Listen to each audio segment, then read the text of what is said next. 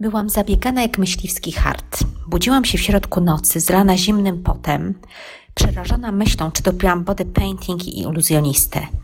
Bo właśnie mój eventowy klient zrobił kolejną zmianę w scenariuszu. I wpadł na pomysł atrakcji dla gości, która wymagała około 30 telefonów odkręcających ustalenia z 20 innymi podwykonawcami. To tak, jakby robić nowy plan lekcji dla całej szkoły, bo właśnie zwolnił się nauczyciel, a lekcje zaczynają się jutro. W dniu imprezy moje tętno było tak wysokie, że wyrobiłam chyba normę cardio na cały nadchodzący rok. Na szczęście wszystko poszło gładko. Nawet Big Boss z New York był pod wrażeniem naszej imprezy. Siedzieliśmy w hotelowym lobby pełni emocji. Radość, duma, ulga, zachwyceni goście wyszli. Ja i mój zleceniodawca. Nareszcie ja też mogę wypić kieliszek rześkiego prosecco, bo już po wszystkim. Mój klient, zadowolony i zrelaksowany, opadł na poduszki. Muszę ci coś powiedzieć, Ewka powiedział. A ja rozpromieniłam się w środku, pewna, że właśnie dostanę bukiet pochwał, dorodnych niczym czerwone róże pyszniące się na stole podczas naszej imprezy. Wiesz, jak nazywamy wśród kolegów takie dziewczyny, które robią wszystko, nawet więcej i stają na rzęsach, żeby nam dogodzić?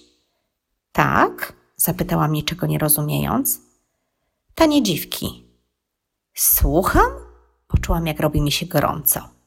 Zupełnie nie wiedziałam, co powiedzieć, jakbym dostała obuchem w głowę. Tanie dziwki. Siedzimy sobie czasem z kolegami prezesami na tych kanapach, jak my tutaj teraz, palimy cygarka i mamy niezły ubaw opowiadając sobie historię o takich perełkach. Wiesz, czemu ci to mówię? Bo nie mogę uwierzyć, że ktoś, kto ma takie kompetencje jak ty, jest w stanie zorganizować imprezę na miarę Oscarów, ani razu nie powiedział mi, że te zmiany będą kosztować. Przecież wiem, co zmieniałem. Przecież wiem, ile to cię kosztowało. Załatwiałaś sprawy jak hollywoodzka profesjonalistka, ale jeśli chodzi o negocjowanie stawek, to nieprawdopodobna z ciebie środka, Marysia. I nie jesteś jedyna. Zagotowałam się. Dać mu w twarz czy wyjść? Dłonie mimowolnie zacisnęły mi się w pięści. Ale jakiś cichy głos w środku powiedział: Słuchaj, on ma rację. Ma rację. Pracowałam jakieś 40 godzin ponad to, co mieliśmy w umowie. Nie mówiąc o tym, że w zasadzie do każdego punktu umowy dorobiłam jakieś trzy dodatkowe zadania. I ani razu nie zapytałam, na jakich zasadach to robię. Byłam tak dumna, że ogarniam taki wielki kontrakt, że wygrałam tę imprezę pokonując sieciową agencję, że byłam w stanie zrobić wszystko. W przeciwieństwie do sieciówki, która za każde dodatkowe zadanie słono by sobie policzyła, doliczając ekspres. Nie wyszłam. Nie dałam mu w twarz. Powiedziałam dziękuję.